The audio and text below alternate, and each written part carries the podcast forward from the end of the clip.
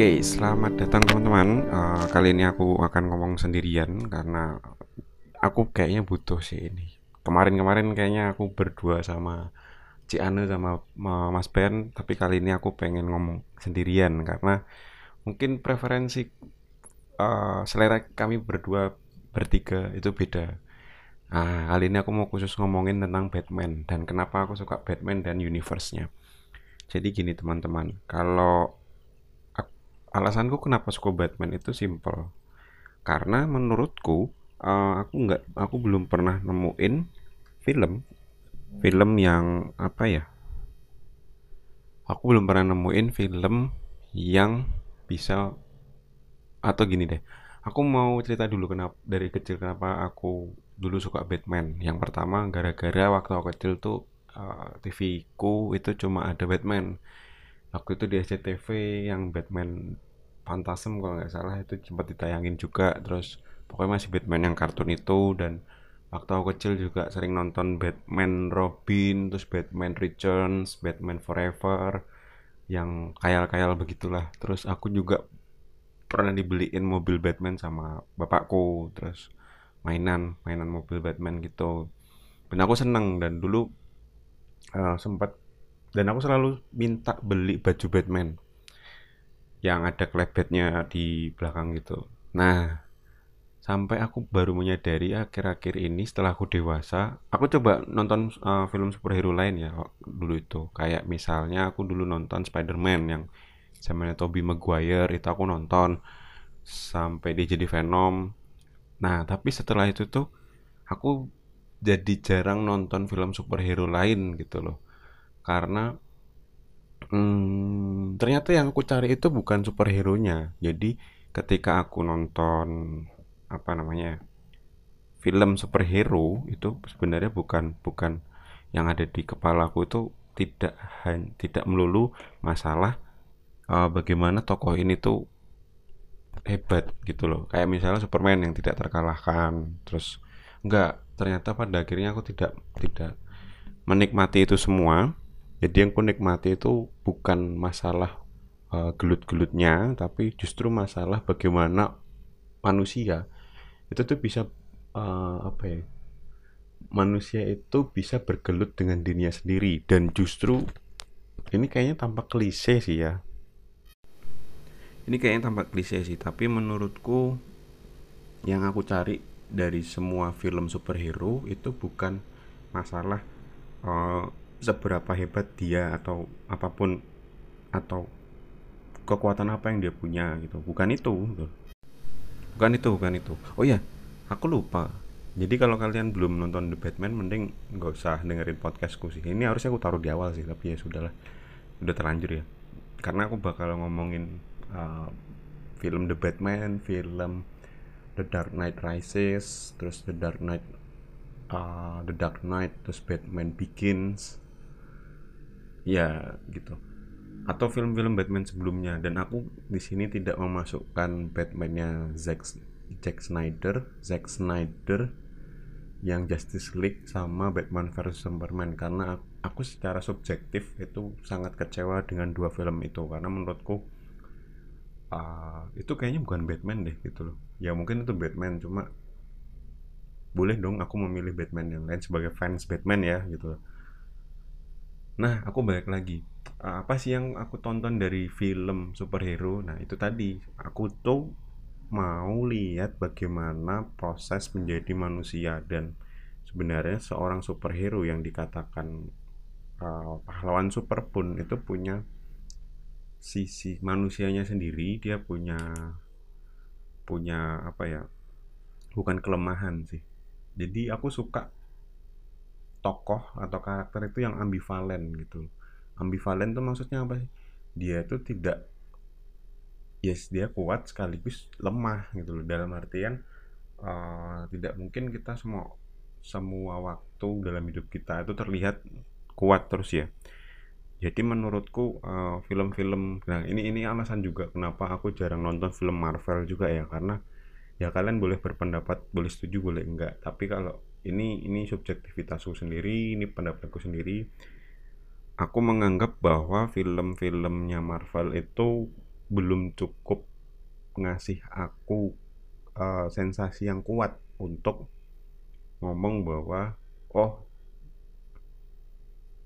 pokoknya setelah aku keluar dari bioskop aku tidak menemukan atau setelah aku nonton filmnya itu aku tidak menemukan ini apa sensasi yang cukup kuat yang melekat terus di kepalaku. Kayak kalian pas nonton Joker terus kalian pulang ke rumah terus ya itu. Kalian akan selalu terbayang-bayang Joker yang Joaquin Phoenix di rumah ketika setelah nonton Joker terus uh, menurutku cukup mengganggu.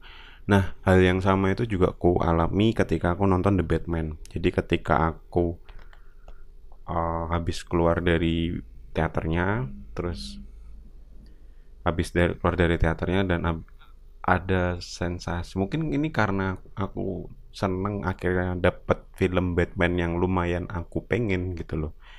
Daripada sebelumnya yang aku nonton uh, Justice League atau Batman vs Superman itu menurutku tuh intinya aku nggak suka sih. Maksudnya Batman masa lawannya alien gitu loh. Ya Batman itu manusia Batman itu tinggal di bumi ya lawannya ya ya manusia gitu loh. Ya kalau dia nanti lawan alien ya nanti kan dibantu teman-teman ya that's why dia build uh, squadnya Justice League gitu loh. Kalau dia sendiri sih menurutku banyak musuhnya juga yang cukup keren dan uh, aku harus ngomong bahwa musuh-musuh Batman di universe-nya dia itu semua manusia. Jarang banget yang ada dari planet lain misalnya gitu. Jarang banget karena aku pikir film Batman nah bentuknya apa pun itu berhasil ngasih gambaran yang baik bukan gambaran. Dia berhasil mencerminkan kondisi masyarakat di mana pun menurutku karena di situ ada kekacauan dan kita tuh bisa bayangin loh bahwa kalau misalnya di dunia nyata itu ada orang-orang yang kayak Joker, ada orang-orang yang kayak The Riddler yang di The Batman, yang orang sakit jiwa dia suka banget sama tebak-tebakan, sam ya kan ternyata memang ada ada pembunuh zodiak kan pembunuh berantai serial killers namanya The Zodiac yang selalu ninggalin petunjuk untuk polisi untuk dipecahkan. Dan karena dia membunuh itu bukan untuk dendam sama orang yang dibunuh bukan. Tapi dia mau ngasih tanda dia mau ngasih gambaran yang lebih besar tentang siapa dirinya. Jadi kriminal itu ke tindakan kriminal itu tidak hanya masalah harta tat nggak masalah harta sama kekuasaan doang. Tapi yang lebih dalam dari semua itu adalah tindakan kriminal itu show them show them who really are. Jadi bisa menunjukkan siapa mereka sebenarnya bahkan kalau aku inget ya di filmnya Christopher Nolan yang trilogi Dark Knight itu si Joker itu ditanyain kenapa kamu membunuh orang? Kenapa kamu merampok?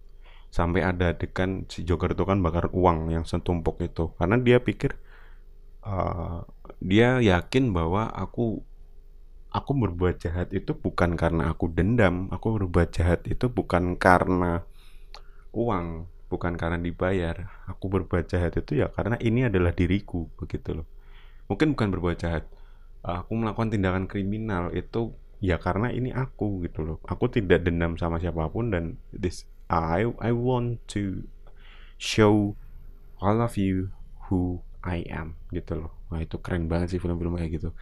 Nah ini kan beda sama apa yang dibawa Marvel ya. Menurutku lebih ringan untuk dicerna ya mungkin karena mereka nyasar uh, teenagers ya, remaja atau orang-orang yang mungkin punya selera yang lebih fancy gitu loh. Kalau aku nyebutnya fancy karena memang uh, warnanya Marvel tuh terang gitu loh terang semua. Jarang ada yang gelap gitu. Nah kalau DC itu gelap. Kenapa aku lebih suka DC daripada Marvel? Ya alasanku nah ini DC-nya khususnya Batman ya. Karena aku nggak suka Superman gitu. Karena Superman itu ya mereka musuhan sih karena Superman nggak bisa mati gitu loh. Ya bisa pakai kryptonite. Tapi kalau kryptonite-nya itu dihilangkan Superman bisa abadi gitu loh long last. Sedangkan kalau Batman itu dia bisa mati dan di filmnya pun banyak diceritakan bagaimana dia struggle dengan hidupnya. Bapak ibunya dibunuh, terus dia berjuang melawan trauma berjuang melawan ketakutan yang ada di dalam dirinya dalam bentuk Batman tanpa psikolog, tanpa psikiater dan aku setuju sama pendapatnya Bang Panji bahwa sebenarnya Batman itu juga sakit jiwa gitu loh. Jadi Panji Pragiwaksono tuh di reviewnya bilang bahwa sebenarnya kenapa sih Batman itu selalu bisa nebak langkah musuhnya yang kita anggap psikotik ya psikosis ya karena sebenarnya Batman itu punya sisi yang sama dengan mereka. Cuma pilihan Batman dalam hidup itu memang sedikit moralis daripada uh, misalnya daripada The Riddler yang di film The Batman ya. Nah itu dia. Jadi sisi-sisi yang kayak gini itu loh yang membuat aku jatuh cinta dengan film Batman ya karena kayaknya aku butuh hiburan yang cukup dark, gelap untuk muasin hasratku sendiri bahwa di dalam diriku itu juga ada sisi yang sama mungkin. Aku nggak mau bilang bahwa uh, aku aku punya mental health issues atau apa. Ya itu bisa dilihat dari psikolog sih tapi aku nggak mau ngomongin itu. Aku kenapa aku mau ngasih alasan kenapa aku suka Batman banget. Ya karena cuma Batman cuy yang ngasih aku gambaran bahwa ini loh hidup itu seperti ini hidup tuh keras dan itu mirip dengan apa yang aku alami gitu loh. Dan itu mirip uh, banyak adegan-adegan di film Batman itu yang membuat aku flashback bagaimana ya mungkin aku tidak sekaya Bruce Wayne ya. Justru tapi karena karena Bruce Wayne itu sangat kaya maka musuh-musuhnya itu ada beberapa yang digambarkan sangat miskin. Kayak misalnya kalau kalian ingat filmnya Joaquin Phoenix yang Joker itu kan uh, dia sangat kesulitan dalam ekonomi ya. Sampai dia harus rela ditendang dijadiin badut akhirnya dia dipecat gara-gara dia punya mental health issues dan di situ belum berhenti eh, BPJS-nya juga dicabut karena pemerintah memutuskan untuk mengalokasi ke dana yang lain. Akhirnya penyakit mentalnya tidak tersembuhkan dia tambah parah dan akhirnya dia membunuh banyak orang dan itu jadi kayak mass hysteria jadi kayak itu tuh semua mungkin terjadi gitu loh. Karena kalau kita memahami dunia yang sekarang. Kayak misalnya kemarin kenapa sih ada anak yang eh sorry ada ibu yang tega bunuh anaknya? Ya karena itu. Karena menurutku mental health issues semacam itu yang yang akhirnya itu uh, terjadi beneran gitu loh. Dan alasan ibunya kan bilang karena aku nggak tega lihat kedua anakku itu tumbuh dalam kemiskinan. Ya sudah aku bunuh aja gitu kalau orang aku nggak bisa nyebut normal sih ya. Karena sekarang normal yang seperti apa? Kan aku juga bingung karena karena korupsi dianggap normal sekarang ya kan? Di mana orang dihukum terus habis itu dimasukin penjara terus dia bisa mengalami mas uh, pengurangan masa hukuman gara-gara cuma sopan gitu loh. Sedangkan di sisi lain kita melihat bahwa di luar sana itu tuh ada kayak orang-orang yang berjuang secara ekonomi belum lagi kita menyemat menyematkan label ke mereka sebagai pemalas padahal mereka terhimpit secara struktural belum lagi kemarin minyak goreng langka dan pemerintah ya diem-diem aja nggak pernah nggak nggak apa ya istilahnya nggak nggak berbuat sesuatu. Ya mungkin berbuat sesuatu cuma ya ya ya sudah. Bahkan menteri perdagangan pun bilang kalau saya tidak tahu kalau ada mafia minyak goreng gitu terus sebenarnya kan itu lucu ya gimmick banget nggak sih? Kayak pemerintah lu maksudnya dia punya badan punya riset punya orang yang bisa bekerja di situ tapi dia bisa bilang bahwa aku kaget ada mafia minyak goreng. Itu kan aneh banget ya. Please lah gitu loh. Maksudnya kita sebagai orang yang tidak sekolah pun misalnya aku yakin kok dengan ini barang banyak tapi kenapa harganya mahal? Kita ingat bahwa secara logika kalau barangnya banyak itu harganya pasti murah. Kenapa? Karena uh, di eh sorry stoknya lebih tinggi daripada demandnya gitu loh. Barangnya tuh melimpah tapi kenapa? Harganya mahal itu kan berarti ada permainan di situ. Nah hal semacam ini loh yang sebenarnya kadang-kadang diselipin di film The Batman juga gitu loh. Bagaimana di beberapa segmen film The Batman khususnya setelah Christopher Nolan kayaknya. Aku aku jujur aku nggak begitu ingat uh, film The Batman yang tahun 95 96 yang masih uh, waktu itu kayaknya George Clooney juga pernah main terus uh, Michael Keaton gitu. Aku aku nggak begitu ingat. Ah, cuma samar-samar aja tapi saya ingatku itu lebih kayak Batman yang komikal yang yang uh, fantasi dan tidak real world gitu. Nah justru aku mulai tambah jatuh cinta sama film The Batman itu ketika Christopher Nolan ngambil dan menyutradarai film The Batman dengan uh, triloginya itu di mana nanti lahir jo uh, legenda Joker yang paling terkenal kan Heath Ledger yang gambarin bahwa aku berbuat jahat bukan karena siapa pun tapi karena aku ingin berbuat jahat. Itu sudah menurutku kredo yang paling wow loh paling sinting tuh untuk jadi seorang kriminal. Nah aku nggak nemuin ini di film lain. Kayak misalnya kemarin aku nonton Sangchi ya ringan sih menurutku. Maksudnya ya sudah ada naga-naga gitu dan aku nggak relate ya aku nonton itu sebagai hiburan bukan sebagai yang bisa mentuh jiwaku gitu loh ini balik lagi persoalan rasa kan. Terus aku nonton aku jujur aku nonton Avengers itu nggak dong. Nonton Thor itu juga nggak dong karena nggak apa ya nggak relate sih buat aku. Terus kemarin sempat pengen nonton Spider-Man No Way Home gitu cuma kalau secara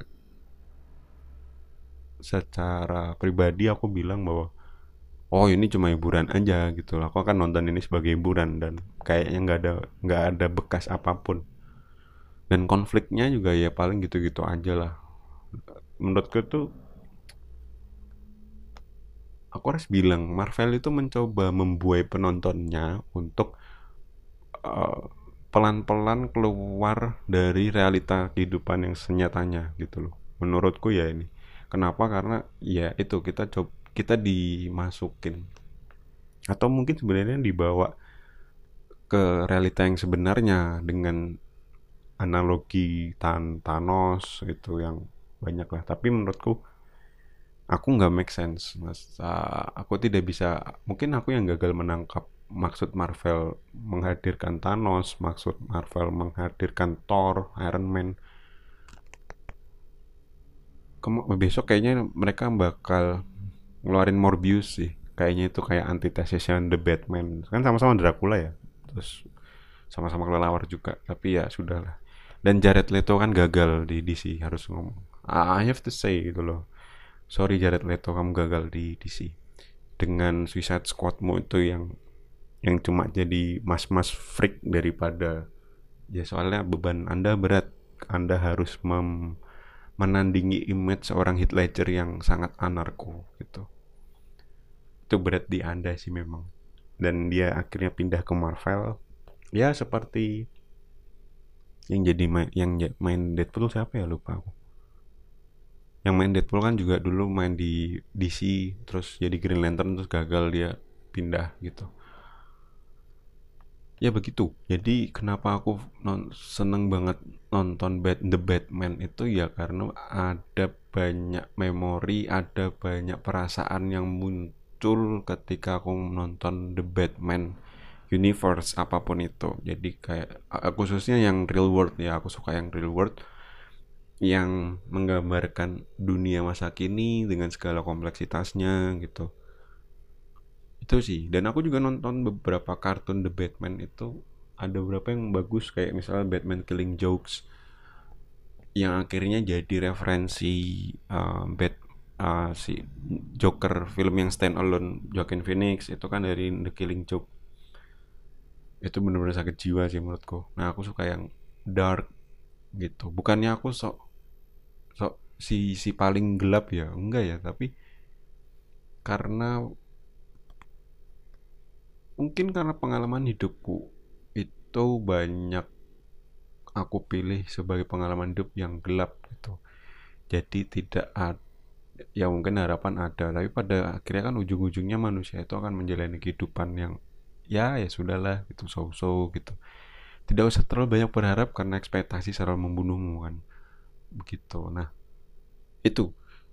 Dan ya balik lagi ketika aku nonton The Batman-nya Robert Pattinson ini aku kayak orgasme sih karena ini sih film The Batman yang aku tunggu-tunggu gitu. Jadi dengan genre yang seperti ini, dengan melihat Robert Pattinson yang marah, yang bisa emosi, bisa di satu sisi itu dia pengen bunuh orang, tapi di sisi lain dia masih mencoba mengontrol. Nah, ambivalensi yang kayak gini nih yang aku nggak temuin di beberapa film lain yang ya mungkin mungkin teman-teman yang lain bisa mengusulkan uh, nonton ini mar nonton ini mar. Tapi menurutku enggak enggak enggak, enggak sorry. Uh, masalah selera film kita mungkin jauh berbeda. Walaupun aku harus ngakuin aku sebagai minoritas di sini. Ketika kemarin-kemarin digempur dengan film Marvel dari Eternals terus Morbius terus Avengers Endgame Spider-Man No Way Home Spider-Man Homecoming apalah sampai homeschooling kayaknya besok ada. Nah aku tuh kayak ini film kayaknya fantasi banget gitu loh. Ada gak sih film yang gak fantasi gitu loh? Yang ya sudah musuhnya bukan alien musuhnya bukan dari masa lalu terus really masa lalu terus ada time dimensions dan lain-lain. Ya mungkin itu bisa dijelaskan secara fisika ya. Tapi what the fuck lah. Sorry to say I, I have to say this. Aku nggak suka gitu loh. Ya sudah. Makanya aku nggak nonton. Tapi aku hargai kalian dengan selera kalian ya. Bukan berarti aku tidak aku tidak suka itu berat, bukan berarti aku benci Marvel ya bukan. Ya sudah nggak suka nggak suka aja. Bukan berarti aku cuma aku kan suka suka Spider-Man-nya Tobey Maguire karena aku uh, scene yang paling ku ingat itu adalah ketika si sing jadi Spider-Man siapa? Tobey Maguire si Peter Parker-nya itu kehilangan Uncle Ben. Nah itu scene paling keren menurutku. Di mana di mobil hujan-hujan, Uncle Ben mau nganterin Peter Parker-nya, itu dia bilang dari set, dalam setiap kekuatan yang kita punya, kelebihan kita punya datang tanggung jawab yang besar. Itu kan diulang terus tuh kredonya itu. Sampai mungkin oh, beberapa film Marvel juga pakai itu. Kalau misalnya nah masalahnya adalah kadang-kadang di situ flopnya adalah dia gagal untuk ngasih link. Kayak misalnya gini kalian bisa bayangin gak sih? Bagaimana pecahnya film ketika ada Robert Pattinson yang The Batman terus Paul Dano The Riddler sama Jokernya Joaquin Phoenix jadi satu film aku yakin itu. Marvel nggak bisa ngalahin cuma. Karena apa? Karena Marvel nggak punya tokoh yang psikotik gitu loh yang ya memang karena dia menghindari itu ya. Dia mau mereka mau filmnya fancy mereka mau filmnya happy happy happy ending bahwa perjuang setelah uh, jentikan Thanos itu masih ada harapan kok begini gini gini. Sedangkan kalau film DC kan enggak film DC itu selalu ditutup dengan kesedihan. Selalu ditutup dengan uh, kemarahan yang tidak berujung selalu ditutup dengan mungkin adegan lain yang mungkin akan memicu uh, kejahatan lain gitu. Jadi menurutku sih jadinya uh, kalau kayak gini tuh Marvel kayak ya sudah memang memang pasarnya mungkin bukan buat aku gitu. Dan kalau misalnya aku boleh ngomong sama produsernya di si EU atau Warner Bros. itu aku bilang ya sudahlah kalian tuh nggak usah ikut-ikutan Marvel gitu loh. DC itu sudah punya fansnya sendiri dan itu sangat kuat gitu loh ya sudah gitu. Kalau misalnya film anda tidak laku ya sudah gitu loh. Itu tidak laku tuh karena kalian mencoba menjadi orang lain gitu loh.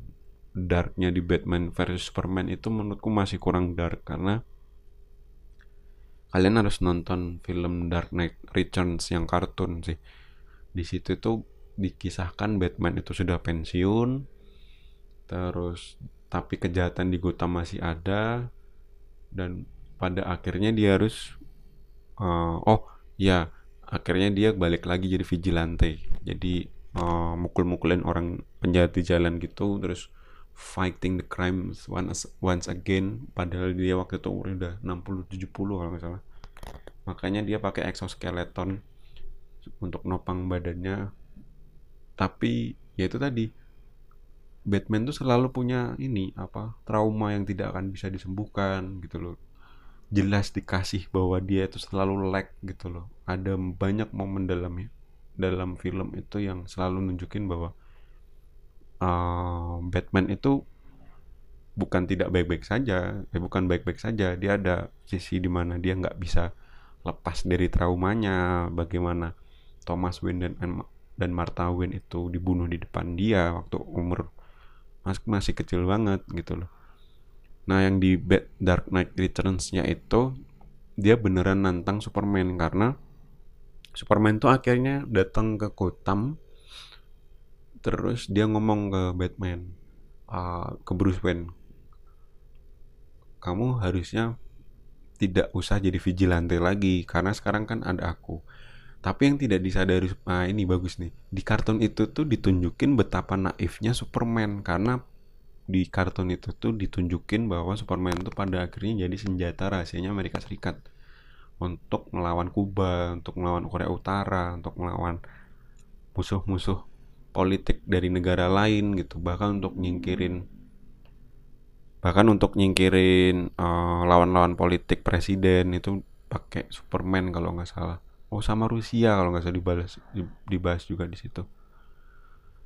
Nah akhirnya mau nggak mau si Batman yang umur 70 tahun ini harus melawan si Superman. Dan ini menurutku harusnya konflik kayak gini yang dibawa di Batman versus Superman karena jadinya keren banget di situ tuh uh, kalian bisa bayangin gak sih Super, Superman kan nggak menua ya jadi di situ dia berkelahi sama uh, Superman dengan segala kekuatan yang ada dan akhirnya dia mencoba men, pada akhirnya memang si Clark Kent ini terluka sih karena akhirnya si Batman ngajak Green Arrow kalau nggak salah untuk nembakin panah kryptonite gitu. Nah, di situ ada momen di mana uh, Superman dihajar habis-habisan pakai pakai gas kryptonite. Jadi kalau Superman kena kryptonite kan dia lemas ya. Ya itu ketika itu dihajar habis-habisan dan Batman waktu itu bilang kali ini aku mengajarkan kamu tentang rasa takut dan bagaimana rasanya sakit dan berdarah. Wih, itu keren banget sumpah. Aku nggak bohong itu film kartun paling keren aku kalau nonton berulang-ulang ulang-ulang ulang itu kayak si anjing gitu loh. Keren tuh kayaknya itu nggak ada di momen kartun lain gitu yang mungkin bisa bayangin gak sih kayak uh, Thor misalnya diajar habis-habisan karena dia lemah tapi diajarnya sama siapa ya? Kalau Iron Man tuh masih tidak make sense sih karena di dadanya ada nuklir itu loh aku masih kayak apa sih gitu loh lebay amat. Kalau dia kaya oke okay lah. Cuma ada nuklirnya itu loh kayak apa sih? Gitu. Ya ini ini subjektif ya. Kalian boleh hujat aku ya silahkan. Aku balik lagi ke itu tadi Darknet Returns-nya tuh. Nah hal-hal kayak gini loh yang menurutku jadi aku tambah suka sama The Batman terus film Batman lainnya. Aku jadi semakin semakin terobsesif sih sebenarnya karena menurutku harusnya film superhero itu bukan film yang uh, tidak terkalahkan. Superhero itu bukan orang yang tidak terkalahkan tapi superhero adalah orang-orang yang selalu berkelahi dengan dirinya sendiri dan dia bertemu dengan orang yang mungkin serupa dan dia mencoba melawan mereka. Nah kayak gitu-gitu. Itu sih Iya, jadi alasanku jelas sih kenapa kok aku suka The Batman atau apa pun itu. Karena aku pikir pahlawan paling masuk akal itu yang The Batman. Dan musuh yang paling masuk akal akan terjadi di dunia nyata itu yang musuhnya Batman gitu The Joker. Kalian lihat lah maksudnya The Joker di Jepang kayak kemarin yang bunuhin dan ngebom kereta gitu. Terus terorisnya Al Qaeda itu kan mirip banget sama filmnya The mirip banget sama filmnya Dark Knight Returns yang teroris gitu ya bahwa aku membawa kehancuran dan lain-lain. Ideologinya mirip lah. Dan mereka manusia sih yang dimodifikasi gitu. Oh ya aku kalau Marvel seneng X-Men sih tapi aku nggak tahu itu masuk Marvel Universe atau enggak cuma ya karena akhir-akhir ini nggak di karena akhir-akhir ini nggak di expose banyak sih itu. Jadi ya sudah aku dulu suka Nightcrawler kalau Marvel lo Nightcrawler. Kenapa? Karena dia mirip Batman lagi-lagi. Dan hidupnya dark banget si Nightcrawler. Mutant yang dimanfaatkan terus aku lupa sih kayaknya dia juga ada hubungan sama mistik gitu. Oke itu sih um, kenapa aku suka The Batman. Batman si manusia kelelawar itu karena dari Batman aku belajar banyak. Mungkin karena ada kecenderungan yang sama mungkin ada trauma yang sama. Bagaimana kita harus menghadapi rasa takut dan akhirnya ya ya tadi rasa takut itu kan di dilambangkan sama Batman dari kelelawar itu karena dia takut kelelawar. Terus akhirnya dia jadikan simbol ketakutannya itu jadi simbol identitas dirinya gitu Ya, begitu dulu. Jadi sekian dulu dari aku di podcast Otak Serong Kanan bahas kenapa aku suka Batman. Kali ini aku sendirian, nggak sama Cici sama Ben karena mereka berdua suka Marvel. Jadi aku nggak bisa bahas banyak tentang DC sama mereka gitu ya mungkin karena preferensinya beda kali ya aku lebih suka film-film gore psycho gitu-gitu yang yang mikir yang penjahatnya itu ya nggak kelihatan-kelihatan banget kalau dia jahat gitu aslinya. Karena emang dunia kenyataan kan seperti itu. Justru yang terlihat baik dan terlihat sopan itu adalah penjahat yang paling mengerikan. Oke begitu dulu dari aku. Terima kasih sudah mendengarkan. Silakan kalian uh, boleh respon reviewku boleh apa pun sih. Ya ini untuk men, mem, me, apa ya karena aku dari kemarin tuh masih punya residu komen tentang Batman mulu terus sampai aku pengen gambar pengen anu, nggak tahu. Ya mungkin karena itu namanya fat fans ya. Oke segitu dulu teman-teman dari aku. Terima kasih sudah mendengarkan dan tetap di otak serong kanan. Dadah.